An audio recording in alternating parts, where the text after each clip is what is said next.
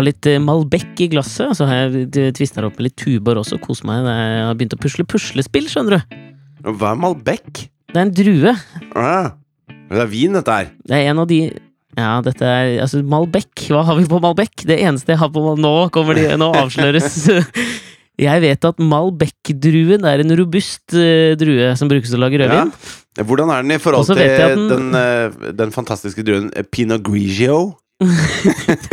Pinot Grigio, det er da til hvitvin, er det ikke det? Ja, det vet jeg ikke, men jeg, jeg vet at hver gang jeg hører det på film Sånne der amerikanere som sitter Yeah, I'll have a Pinot Grigio. Da blir jeg forbanna, liksom. Jeg blir forbanna hver gang. Ja, men jeg kan skjønne hva du mener. Det, det, det er litt som uh, I'll just have a Pinot. Altså, det, altså alt som har med Pineo å gjøre. Men jeg vet, vet hva, altså, det, In to kill a poor favor. Fy faen, jeg har lyst til å banke dem. Eh, Nei, Malbec er vel en av, eh, en av seks druer som puttes opp i disse godeste Bordeaux-vinene. Ja, jeg satt og så på en flott okay. flaske her. Nei, det er jo påske, da. Og da er det jo på en måte uh, For hva hvor- Jeg vet ikke åssen dette funker. Jeg, nå fikk jeg sånn flashback at vi snakka om dette forrige påske. Ja, men liksom, hvor kommer den haren inn i bildet og alt mulig for faen, dette her prata vi om eh, for ett år siden. Det er så gøy dette her når vi begynner å liksom treffe årssykluser på gjentagende samtaleemner i denne podkasten. Jeg husker til og med for forsidebildet fra med- forrige års påskepodkast, og det er at jeg går på ski med barnevogn foran meg. Ja! Det husker jeg. Ja, så nå må vi passe oss. Ja, at jeg snakka med eh, svigermor her, da. Og hun fortalte at eh, Du er i eh, Florø, hun- jeg er i Oslo per nå. Ja. Eh, hun fortalte at hun og venninnegjengen, de, har de møtes jo, ikke sant? Sånn som venninnegjenger gjør. Og så, og så sier hun Og da er det som om vi er 18 igjen, liksom. Og vi forteller de samme historiene, og så fortalte hun om eh, Når de møttes for et par år siden, så hadde hun og hun ene venninna bestemt seg for å pranke de andre på ferga her oppe, da. Eh, vi er da på Vestlandet, mye ferger. Så de hadde da eh, eh, I bilen på vei på ferga Så hadde de skifta til bare badedrakt og så tatt på seg jakke over. Og så hadde ingen av de andre merka at de gikk rundt med jakker og, og badedrakt under. Så hadde de liksom flasha på ferga, og da hadde alle hadde hylt og latter og alt mulig sånn. Og, de, og hun sier at det er akkurat som å være liksom 18 igjen, men problemet med det er jo at man gjør de samme tingene som man gjorde da man var 18, og det er en livsfarlig hengemyr for oss å dette ned i hvis vi lager en ny påskepodkast som er lik den forrige, liksom. Ja, det er litt som det der med å følge Føle at dette her er som å følge eiendomsmarkedet på en eller annen måte.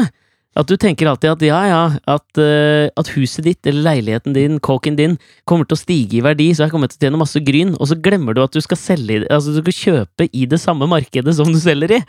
Ja, for det er, det er også en ting som Det er utrolig mange som kommer sånn faen, jeg tjente altså Jeg tjente 750 000 på tre år. Det er helt sjukt. Nå har jeg en helt alle lik leilighet og akkurat like dårlig råd etterpå. Fordi at man kjøper Mm. og selger i samme marked, da. Ja, men det er, det er noe med det der, og det, jeg tror det er overførbart til på en måte livets sykluser også, at du glemmer litt at uh, alle, alle livets deler har sine idiosynkrasier. Men det er jo noe man burde liksom eh, Noen folk så ser man det på dem at de prøver å brekke ut av et eller annet mønster. Jeg vet ikke om du leste en avisartikkel om hun eh, rumpedoktoren eh, borte i USA? Nei. Det er en som heter Rumpedoktoren, da. Som er, eh, på en måte ble en slags sånn hobbyplastisk kirurg. Som alle andre trodde var lege. Fordi hun er transvestitt, og, og da, i det transmiljøet, da, så, så er det Ja, hun fikk en slags tillit i det miljøet. For noen egenskaper hun ikke har, på en måte. Og hun eh, ble da dømt for eh, egentlig for drap, fordi hun hadde sprøyta dekkfiks og sement inn i rumpa og panna på en dame. Og gjort okay. en hel masse sånne drøye ting. Men, men, altså, men, altså, sånn- men altså, var, det- dette her skjønte jeg ikke helt. Dette var en dame som var lege, eller var ikke, hva var greia her? Nei, hun, hun utga seg for å være lege, da. Eh, Hva? og gikk under navnet Rumpedoktoren i transmiljøet borte i LA. Så, men men hva, hvor kom dette trans... Hvorfor Er transer Nei, det- mindre til å stole på, eller? Ja, nå spør Nei, jeg helt åpent. Nei, det, det tror jeg overhodet ikke. Nei. Men jeg tror at hvis du, hvis du jobber innafor en nisje, da Mm. Altså La oss si om, hvis du er dyrlege og så har du spesialisert deg på hamster, eksempel. Ja, så kommer alle smart. sånne hamster, hamsterrelaterte problemer fra hele Europa sikkert til deg. Ja, ja, Du er den eneste som har gjort det. Men, men det er litt sånn Når du ser eh, Jeg er klar over at eh, vi lager en, eh, en auditiv underholdning her, Mm. men eh, la meg bare eh, vise deg, da, i hvert fall, Alexander. Skal prøve å beskrive ser- som best jeg kan. Når du ser hvordan rumpedoktoren faktisk ser ut, så burde det ha ringt en bjelle, da. Ja, ikke sant. Ok, her ser vi jo da en, en helt vanlig af afroamerikansk dame som har en veldig sånn enormt stor rumpe som peker oppover, og som er Og utover, ser jeg når du viser meg nå. Eh, Oi, jøye meg, ass. Jo, men det er ikke Dette her er eh, på en måte ekstremversjonen av eh, Kim Kardashian-rumpa.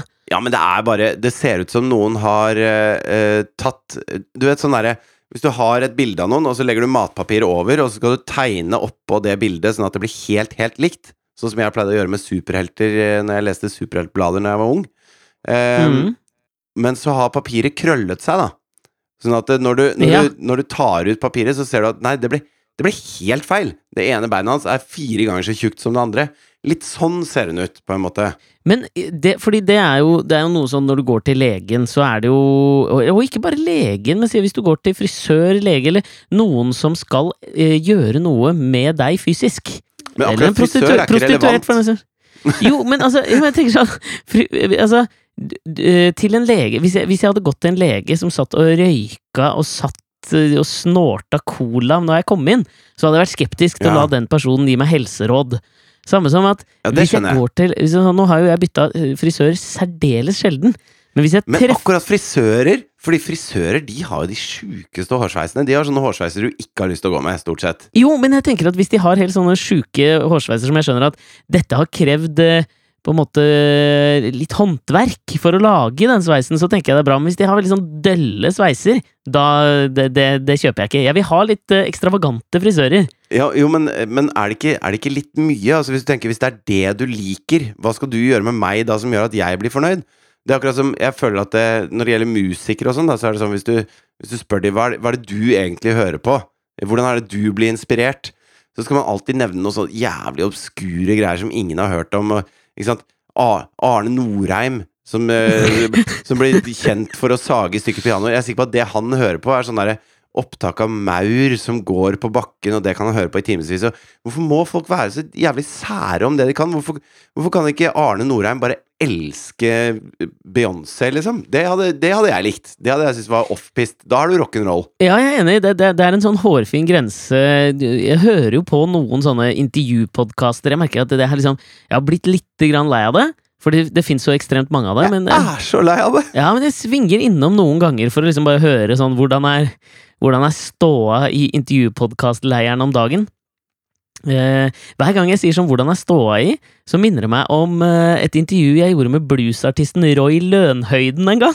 Jeg er lei av det Jeg er lei av det intervjuet før du har begynt å snakke om det. Ja, men Da husker jeg jeg gjorde en sånn derre eh, Og jeg skulle de- dekke alle kategoriene inn mot Spellemann, for å gi liksom alle musikksjangere en eh, sitt, sine 15 minutter i rampelyset. Eh, og da var det noen sjangere jeg var mindre bevandret i enn andre, og jeg merka at i norsk blues så var jeg ikke så jævla bevandra. Så jeg satt og gjorde sånne intervju med Roy Lønhøyden og hadde liksom forberedt meg bitte lite grann, og så merka jeg at nå, etter fire minutter, så hadde jeg ikke flere spørsmål igjen.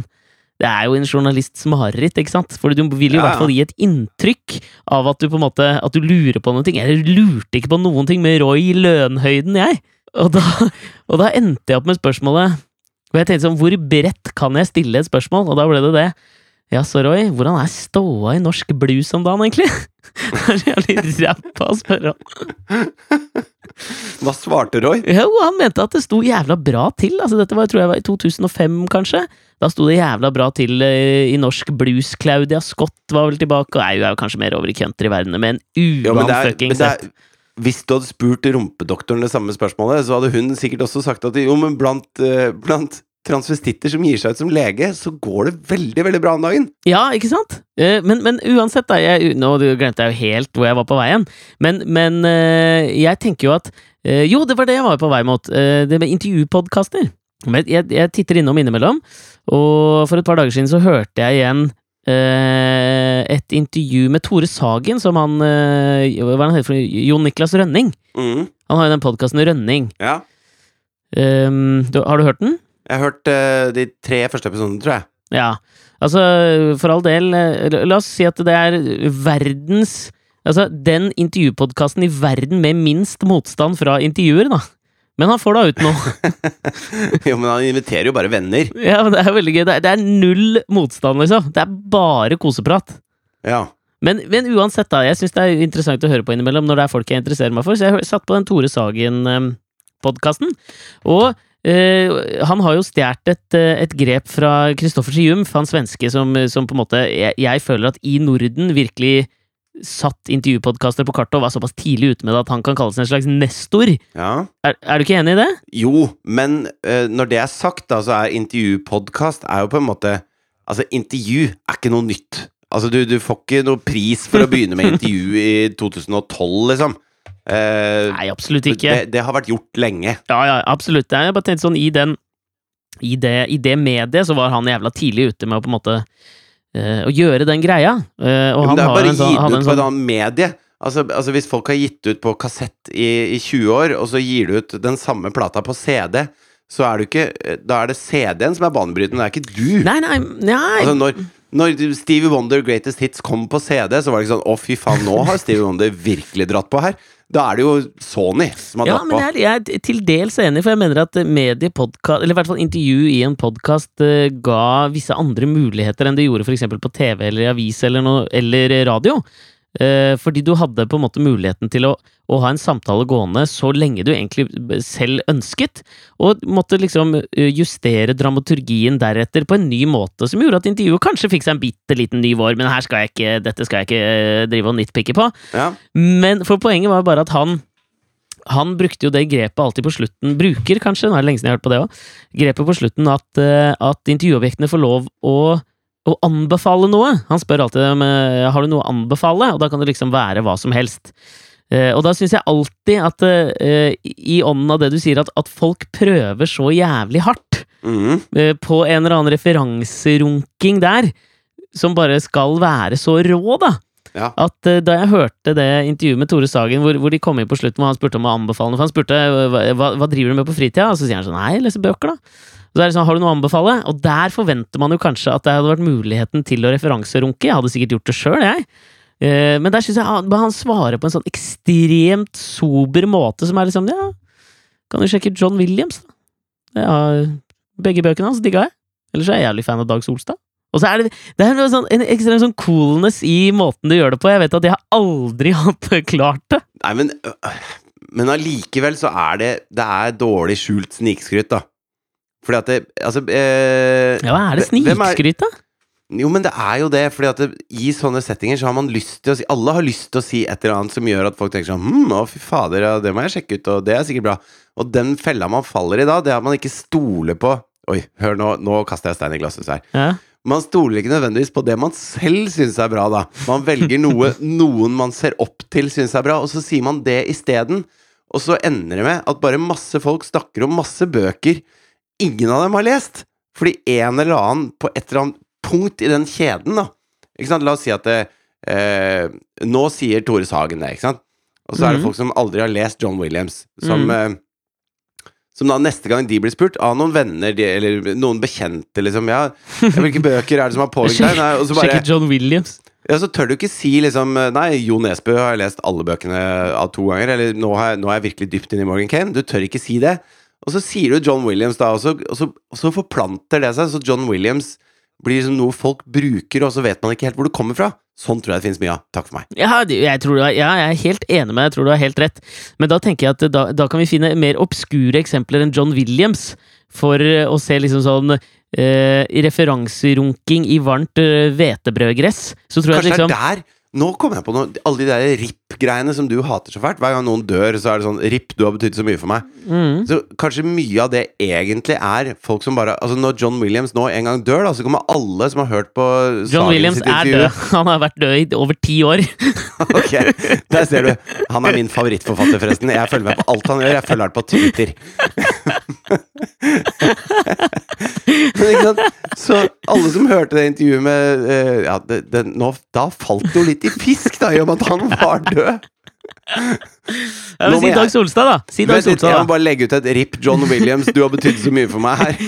Ja, Nei, men du skjønner nei, men jeg tenker, altså Han sier Dag Solstad Ja, ja men han sier Dag Solstad der også. Det er jo et mer eh, Et, et, et mer sånn kontemporært eksempel der, for han kommer til å daue snart. Ja, for jeg tror det er innmari mange av de som legger ut eh, Å nei, Konga-spilleren i T-rex er død. Åh, de, de, kong, Ja. ja. Paradidlene han spilte på, i tredjetakta Åh! på, på åttende låta på fjerde albumet betydde så mye for meg, og jeg, nå kommer jeg ikke til å sove i natt. Nå må jeg gråte meg selv. Det er mye av de rippene der som bare er Ja! feil, liksom. Endelig har du Endelig har du skjønt det! Jeg tror det handler om posering. ass. Det er jævlig mye som handler om posering. Det er akkurat det samme greiene. Det var derfor altså, jeg blir overraska over, over hva som er liksom RIP-vennlig. Jeg ville tro at Knut Borge, som nå døde for litt siden, var mer RIP-vennlig enn det skulle vise seg, for eksempel. Ja, altså Mitt forhold til Knut Borge er jo egentlig den eh, T-skjorta du hadde i Vanylven under første sesong av Gøy på landet, som hadde så sinnssykt stor hals!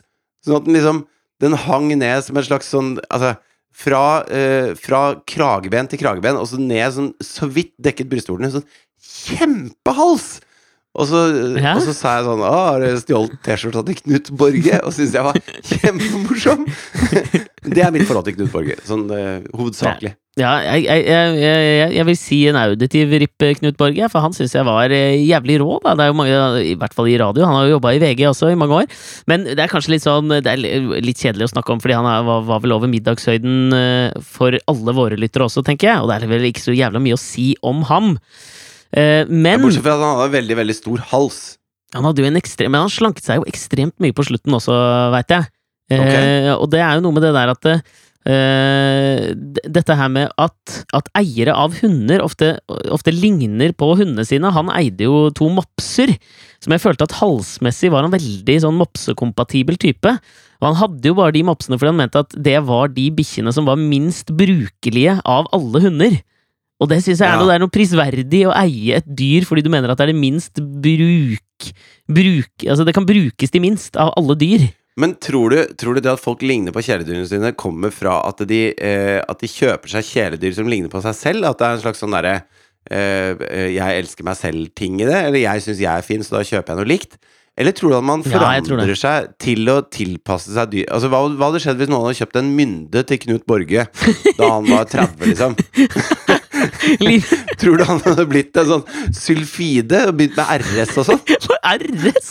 Er ikke mynder jævlig sånn? Ja, men de er jo sånn Ja, de er veldig aerodynamiske. Smale, tynne, lange snuter. Ja, ja, det er kanskje litt RS over dem. Det, det kunne vært et interessant eksperiment, det der, hvis du har liksom sånn Si at du Du, du, du merker at uh, noen i din familie begynner å dra, dra på seg noen kilo, og så tenker du hel, av helsemessige årsaker så hadde det vært jævla fint om de nå tok seg en, eh, tok seg en løpetur, liksom. Så kjøper Ja, du Ja, Kanskje det er derfor folk som Folk som driver kennel, ser ut som en sånn motemessig takras. ja, jeg, vi ses på fredag på Latter. Jeg er der hver uke. Vi skal varme opp for Thomas Leikvoll. Eh, Kennelfolk er jo faen meg De er jo en, de er jo en egen rase, de òg. Men det, det hadde vært gøy å teste litt, det der. Altså, jeg er spent på hva som hadde skjedd med, med Knut Borge. Men, jeg, men, men apropos, bare eh, Dette er en søkt overgang, eh, mister, men Knut Borge eh, var for de fleste kjent fra radio. Sokrates på P1 og, og mye jazzgreier, ikke sant? Eh, og det som Dette vet jeg Ja, ikke noe om. Hørte du på P1 når du var yngre? Ja! Hørte på, hørte på Sokrates. Ja, men det er er ikke Sokrates? Ja, men Jeg mener at det var Sokrates, det programmet Knut Borge hadde. Jeg vet da søren hva, om hva program altså, Hvem er du egentlig? Altså, Satt du sånn 16 år og bare Nei, nå begynner Sokrates på P1. ja, Kanskje litt eldre, men ja, det var jo jazz og filosofi, to av mine favorittting. Ja. Jeg kan anbefale begge deler. Og så satt du med sånn 'Skateboarding is not a crime'-hoodie og hørte på Sokrates på P1. Mangefasettert type, ass. Ja, ja. Ja, men, men den søkte parallellen her blir jo nå at um, jeg tenkte kanskje at denne ukas podkast da i den ånden at veldig mange også i påsken sverger til P1 også for å høre på Påskelabyrinten med han Hugo Ballerusk, eller hva faen han heter. Uh, så tenkte jeg at vi Viggo, kanskje denne uka Viggo Valle, er det det? ja, det er det det er, rett og slett. Eh, nei, jeg tenkte at da kunne vi ta oss og teste oss eh, Teste dette her, da, og se om vi kunne lagd en bitte liten sånn uh, påskeføljetong denne eh, denne påskeuka. Sånn at på et eller annet tidspunkt i denne podkasten her, når vi sitter og prater Nå foreslår jeg at vi prater litt lenger i dag. Mm. og så kommer jeg til å de så deler jeg den på et, eh, på et tidspunkt. Så deler jeg den, kanskje abrupt, hvem veit? Det veit jeg jo ikke nå. Ehm, og så må man rett og slett, for å få med seg slutten, så, så fortsetter den bare, rett og slett denne samtalen bare fortsetter på fredag. Hvor man da kanskje, jeg vet ikke hva vi kommer til å prate om, jeg får en avsløring på slutten. Som er kanskje vel verdt å vente en dag eller to på, da. Så dette var påskekrim, på en måte? Ja, en slags påskekrim, bare at den ikke har noe med krim å gjøre, da. Ja, det, det vet du ikke ennå. Vi vet aldri hvor vi havner. Nei, det er for så vidt sant, det. Dette blir jævlig spennende.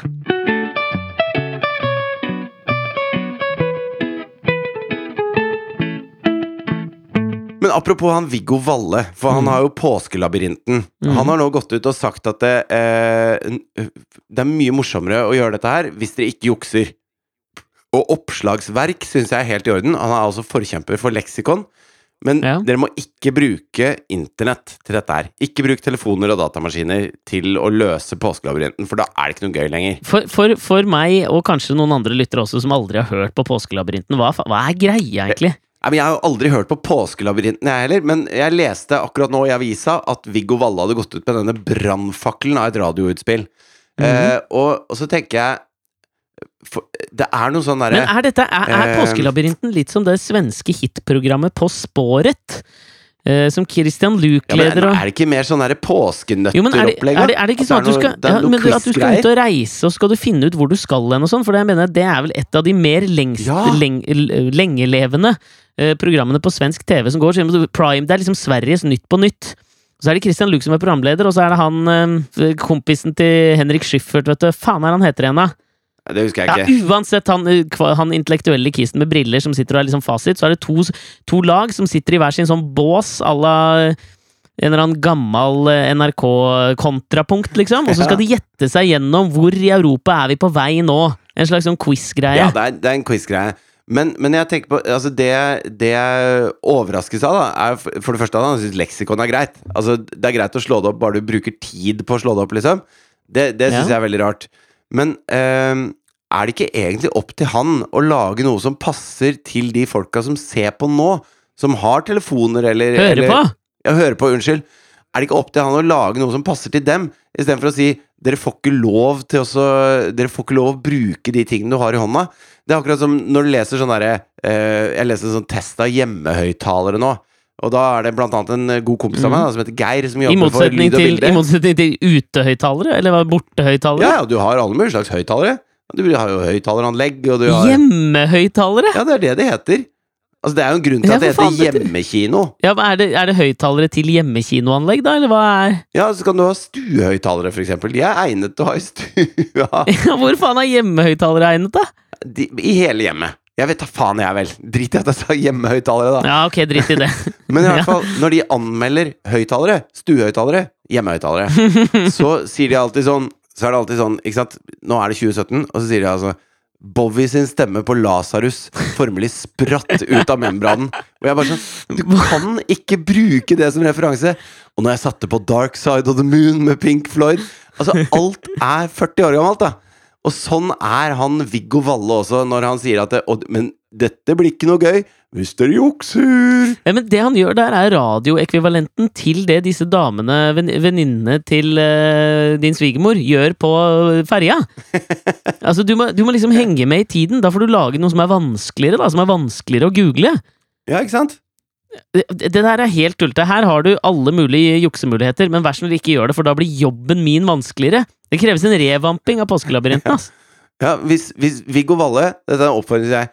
Hvis du kan love at du ikke har brukt internett når du lagde denne, så kan du få kreve det av lytterne dine. Men jeg er villig til å vedde en tå på at du har googla deg i hjel når du lagde Påskelabyrinten. Ja, jeg er helt enig, men det er noe Jeg, jeg, jeg hørte på en sånn um, TED-talk med en fyr som heter eh, Han er forfatter og lingvist, tror jeg. Han heter John Koenig, eh, som snakket litt om dette her med ord. Eh, og da snakket han om et, et, et, spennende, ord Spennende, påskekrim du er i ferd med å lage her nå. Ja, bare vent. Er en, eh, Bare en tysker vent. som het König, som snakket om ord.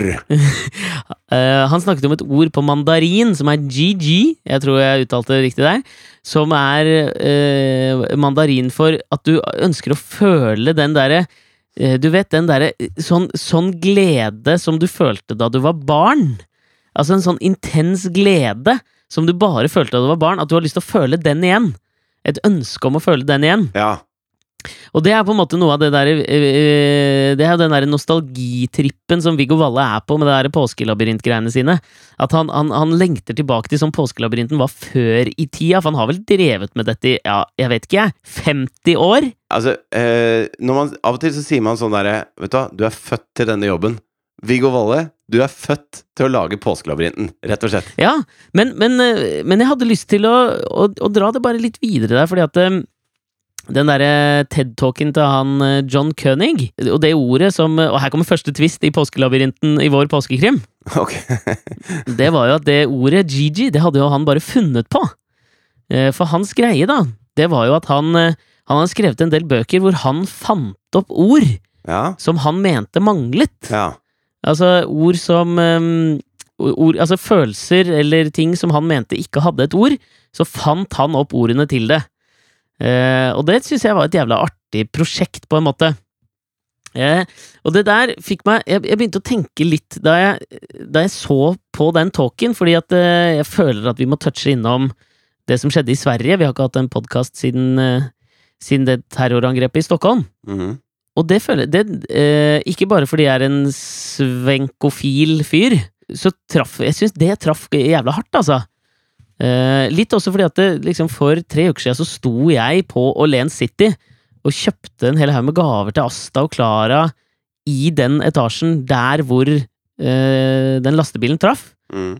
Eh, og jeg veit at det er jævlig sånn Det er jævlig navlebeskuende altså, altså, å, liksom ta opp det og tenke på det, men på en eller annen måte så klarte jeg ikke å slippe det helt heller. Um, og så øh, tenker jeg at det, er, det er mye som er sagt om det der, men jeg, bare én ting jeg hadde lyst til å ta opp, og det var at det var jo uh, en del timer hvor man var jævlig usikre på hva det var som hadde skjedd, og de hadde ikke fått tak i den gjerningsmannen, og så videre. Ja. Og da var jeg inne og leste alt jeg kom over eh, på internett, og prøvde å eh, oppdatere meg på hva som hadde skjedd. Og da kom jeg over en del ting som jeg merka Jeg ble ordentlig sånn Ordentlig sint. Ikke sånn Alex Du skal til sånn Tybring-Gjedde, du, nå. Jeg skal til Tybring-Gjedde, og flere med han, men la oss ta han, da. Ja. Fordi det var den mest tydelige, syns jeg, da. Uh, han, la, han la ut på Facebook-siden sin eh, Jeg har jo vært innom den i kronikkform før, men jeg har lyst til å gå, gå tilbake og bare, Skal jeg bare lese opp hva han skrev før noe Før noen visste noe om hva som hadde skjedd i ja, for Sverige? dette har jeg også lest om. Det var, det var én time etter at det hadde skjedd, og da visste ingen noen ting. Nei. Han skriver 'Kondolerer, Sverige'. Mine varmeste medfølelser til ofrene for terroren i Stockholm. Mitt hjerte gråter for vårt broderfolk. Sveriges statsminister Stefan Löfven burde i etterkant be det svenske folk om unnskyldning for over tid å ha ført Europas mest uansvarlige, naive og kulturelt utslettende innvandringspolitikk. La meg helt til slutt ikke være helt kategorisk, da det enda ikke Ja, det er jo feil, da. Ennå. Ikke er bekreftet hvem gjerningsmennene er. Ja. Og noen ganger så kan man bli liksom sånn småprovosert og, og litt sånn mini-irritert av tullete utspill fra det populistiske høyresiden i Norge, men her merker jeg at eh, jeg blir noe mer enn det. Eh, jeg kjenner en, som jeg føler er en rettferdig, ekstrem harme eh, over at et rasshøl som han eh, går ut og pisser på døde mennesker. Det ligger fortsatt varme lik i gatene i Stockholm, og han går ut og skriver noe sånn dritt som det der. Eh, og jeg, jeg, jeg merka Jeg gikk hele den kvelden. Men det du, Det det var du sånn blir forbanna på det på, er det, Ja. det at han bruker det liksom til å fremme sin politiske sak? Bruker en sånn hendelse til det mens den fremdeles pågår?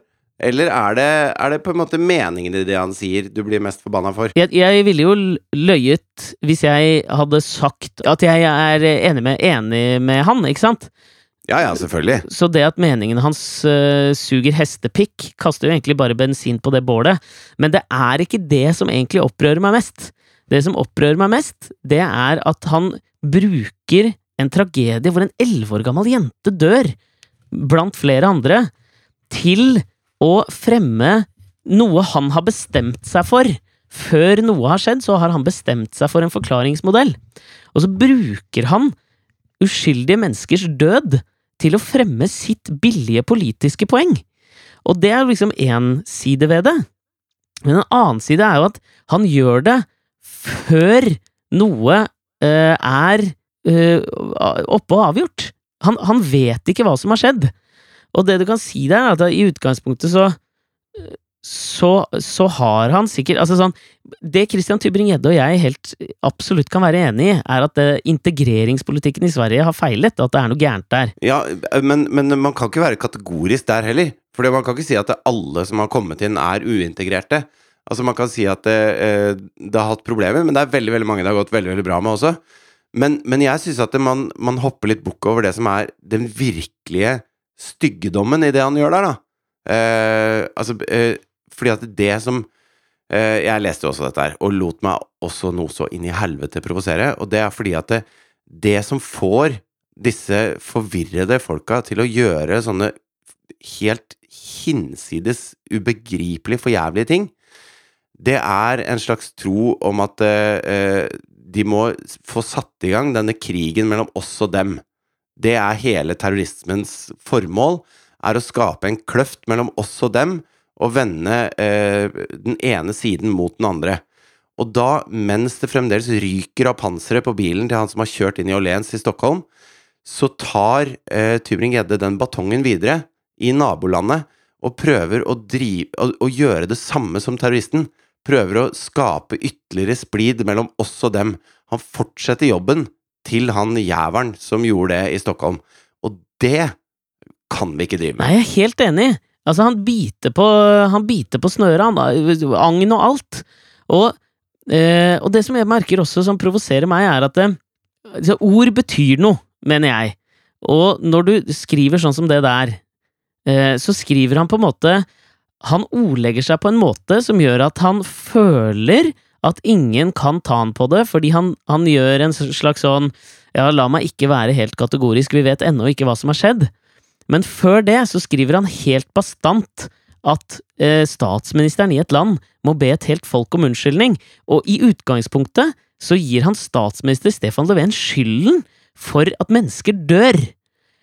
Og så, jeg, og så mener jeg at det han tenker der, er at han, han, skrev sikkert den setningen og tenkte ok, nå var jeg kanskje litt bastant, la meg legge på denne lille modereringen på slutten. Men det spiller vet, ingen rolle. Vet du hva det altså, heter? Altså, det, vet du hva det altså, heter i hans hode?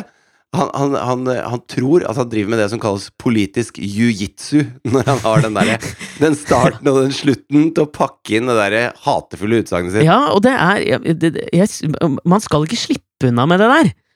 Fordi det, altså sånn, Hvis jeg sier til noen at du er en nazist, eh, men jeg er ikke helt sikker på meningene dine, så er fortsatt liksom med en gang du har uttrykt noe i offentligheten nå, så eksisterer det der. Og det er veldig mange som leser sånne ting, og som ikke får med seg kanskje en moderering, eller som ikke får med seg alt av alle, alle fasetter av uh, argumenter som man uttrykker. Og derfor er det der ekstremt farlig. Jeg men, men, jeg har jo, jeg har jo eh, fått med meg Har du fulgt med noe på valget i Serbia som har vært nå? Nei, det har jeg ikke, altså. Jeg har vært for opptatt med å være utrolig forbanna på Christian Tybring-Gjedde igjen. Ja, fordi I Serbia så har du jo en, en veldig veldig sterk sånn nasjonalistfraksjon. da eh, Som er Eller den er ikke så innmari svær. Den er på liksom eh, sånn Den var vel på 16% tror jeg, ved forrige valg. Ja. Altså det som var for noen år sia. Eh, men problemet er at de er så sinnssykt radikale, da, disse mm. folka. Mm. og så, i valget som var nå, så var det på en måte de samme politiske partiene som hadde de samme meningene og sånn. Men så kom det en ny en på banen, som er en 25 år gammel fyr som heter uh, Luka Maksimovic.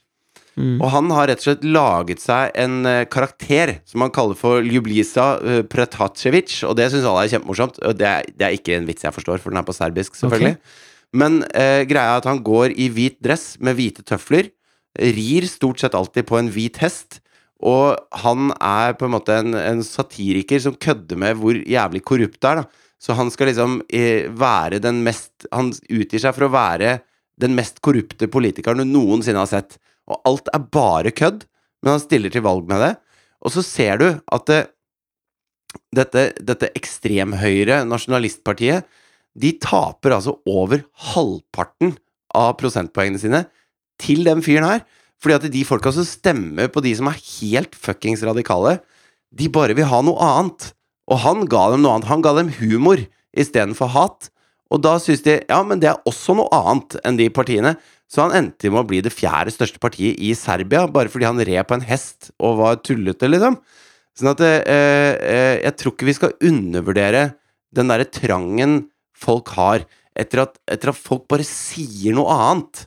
Og, og, det å si noe annet eh, må ikke være ensbetydende med å være en, en gal høyreradikal, liksom.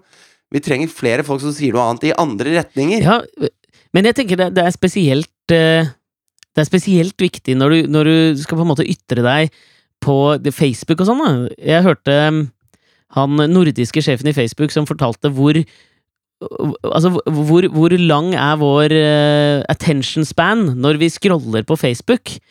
Uh, for, at, for, at for, at, du skal liksom stoppe ved noe og kanskje ta et, en titt til på det, så har du 1,7 sekunder på å liksom få folks interesse, for det er det man bruker. Hvis du liksom stopper litt, så har du 1,7 sekunder, og så blar du videre. Og det er det som er skummelt, når du da legger en sånn moderering også helt på slutten. Det er jo at det er sikkert kjempemange som ikke får med seg den. Ja, du må trykke 'vis mer' for å se den moderasjonen. Ja, og det der Det er litt sånn i Viggo Valles ånd, da så, så, bør vi liksom eh, moderere også vår måte å uttrykke oss på i offentligheten, eh, etter måte hjelpemidlene vi bruker til å konsumere de ytringene. Og det har, det har Christian Tybring-Gjedde faen Om han, om han faen meg spekulerer i det, det veit jeg ikke, men la oss nå for faen si det, da, så gjør det, det, gjør det jo enda farligere. Og det er riktig bruk av enda, det er ikke enda når det er i tid. Christian fittefjes Tybring-Gjedde, ass! Jeg tror virkelig ikke at det var jeg, jeg, tror bare at han har et syn på verden som er eh, sånn. Altså, han, han, trenger noen å skylde på eh, når ting skjer, og han har funnet seg sin syndebukk, nesten uansett hva som, hva som hender, da. Og eh, det var veldig, veldig mange no, Altså, jeg vet at det å snakke om 22. juli er eh, eh, er vanskelig, mm. og er noe folk har gjort veldig, veldig mye. Mm. Eh, men jeg var i Spania eh, da 22. juli skjedde, og hadde ikke noe kontakt med eh, noen norske medier i det hele tatt. Det eneste vi fikk inn, var CNN, som viste dette her, da. Og når vi sitter og ser på mellom bomben i regjeringskvartalet og Utøya, så sitter det altså politiske eksperter, på en måte, eller utenrikspolitiske eksperter, som uttaler seg om ikke sant? De, de, Det er alltid de man ringer når det skjer noe i Jemen eller i Pakistan eller i Frankrike. Eller, de er liksom de som har overblikk over hele verden, da. Og det går jo ikke an, egentlig. Men da sitter de og sier de at det, det er sannsynlig at dette er en uh, muslimsk fraksjon, og det kan ha noe med mulla Krekar å gjøre, som er en kontroversiell figur i Norge. Og de sitter med de notatene de har gjort fra hva som skjer i Norge, og man, man hopper med en gang til den konklusjonen. Og det var en kalders for uh, uh, for dem alle når det viste seg at det var Breivik som sto bak dette her. Og, og, og hvert fall når det har skjedd i Norge, så nært opp i tid, så må Christian helvetes Tybring-Gjedde tenke seg om noen ganger før han går og skylder på noe han ikke vet hva er ennå. Ja, og jeg mener jo kanskje at vi kan gå til det skrittet at uh, For han var ikke den eneste Frp-eren som var ute på Facebook eller Twitter og gjorde dette her. Men jeg mener at når folk går sånn ut i offentligheten og gjør det der, før noe er uh, avgjort, før vi vet noe om gjerningsmenn eller kvinner på et sånt tidspunkt, så går man ut med en forklaringsmodell som allerede ligger klar i hodet ditt. Altså Det der er jo forklaringsmodellen Christian Tybring-Gjedde gir på alt. All styggedom som fins i samfunnet, har han den samme forklaringsmodellen på. Og, det, og for meg nå så blir det bare sånn eh, For meg har det vært klart lenge at uh, det er en rimelig enspora type, men det blir så innmari tydelig i sånne saker som dette her, da. Og, og derfor tenker jeg at vi kan gå til det skrittet at når folk gjør noe sånn som han gjorde der, så kan vi ekskludere dem. Nå, nå kan vi ekskludere dem fra samfunnsdebatten. Eh, kanskje, eller suspendere, da, fordi at vi skal ikke vi, Det er ytringsfrihet i Norge, men Christian Tybring-Gjedde er en kommentar på Wikipedia som hadde blitt sletta. Ja, det er helt riktig. Og da mener jeg at når du gjør sånn, så bør det ha noen konsekvenser. Og det er ikke bare at du kanskje må stille opp i Dagsnytt 18 og forsvare deg bitte lite grann, og så legger du deg kanskje litt flatt, og så glemmer alle det, og så kommer du tilbake og gjør det samme igjen. Nå tenker jeg at kanskje vi må gå til et litt sånn ja, vi må begynne å dele ut gule og røde kort i samfunnsdebatten. Og jeg mener at her nå, på, i dette tilfellet, så er det et rødt kort. Eh, og det er kanskje et par kampers utestengelse. Og det mener jeg altså jeg, jeg tuller ikke, jeg mener det helt alvorlig. At når du gjør det, For det, det vitner jo om at du har bestemt deg på forhånd. For det spiller ikke noen rolle hva som Altså sånn Bevis og hva som faktisk skjer, spiller ingen rolle for Christian Tybring-Gjedde. Han har et svar, han. Før ting er eh, avgjort, før han vet hvem som har gjort noe, så har Christian Tybring-Gjedde et svar på hva som har skjedd. Og da mener jeg den fyren kan vi ikke høre på, han må ta seg en timeout. Men hvem er dommer i den ytringsfrihetskampen han er utestengt fra nå? Har du, har du tenkt nøye på dette her, gutten min? Ja, det er meg. Ok, det er du som er dommer, ja. Du bestemmer hva som er sober greit. dommer. Hvem vi skal høre på og ikke høre på i ytringsfrihetens navn. Ja, men vet du hva, jeg, jeg, jeg, jeg, forventet det innspillet fra deg på dette forslaget. Og derfor tenker jeg at her, altså i, i saker som det her, så mener jo jeg at det, er en her er det en slags objektiv sannhet.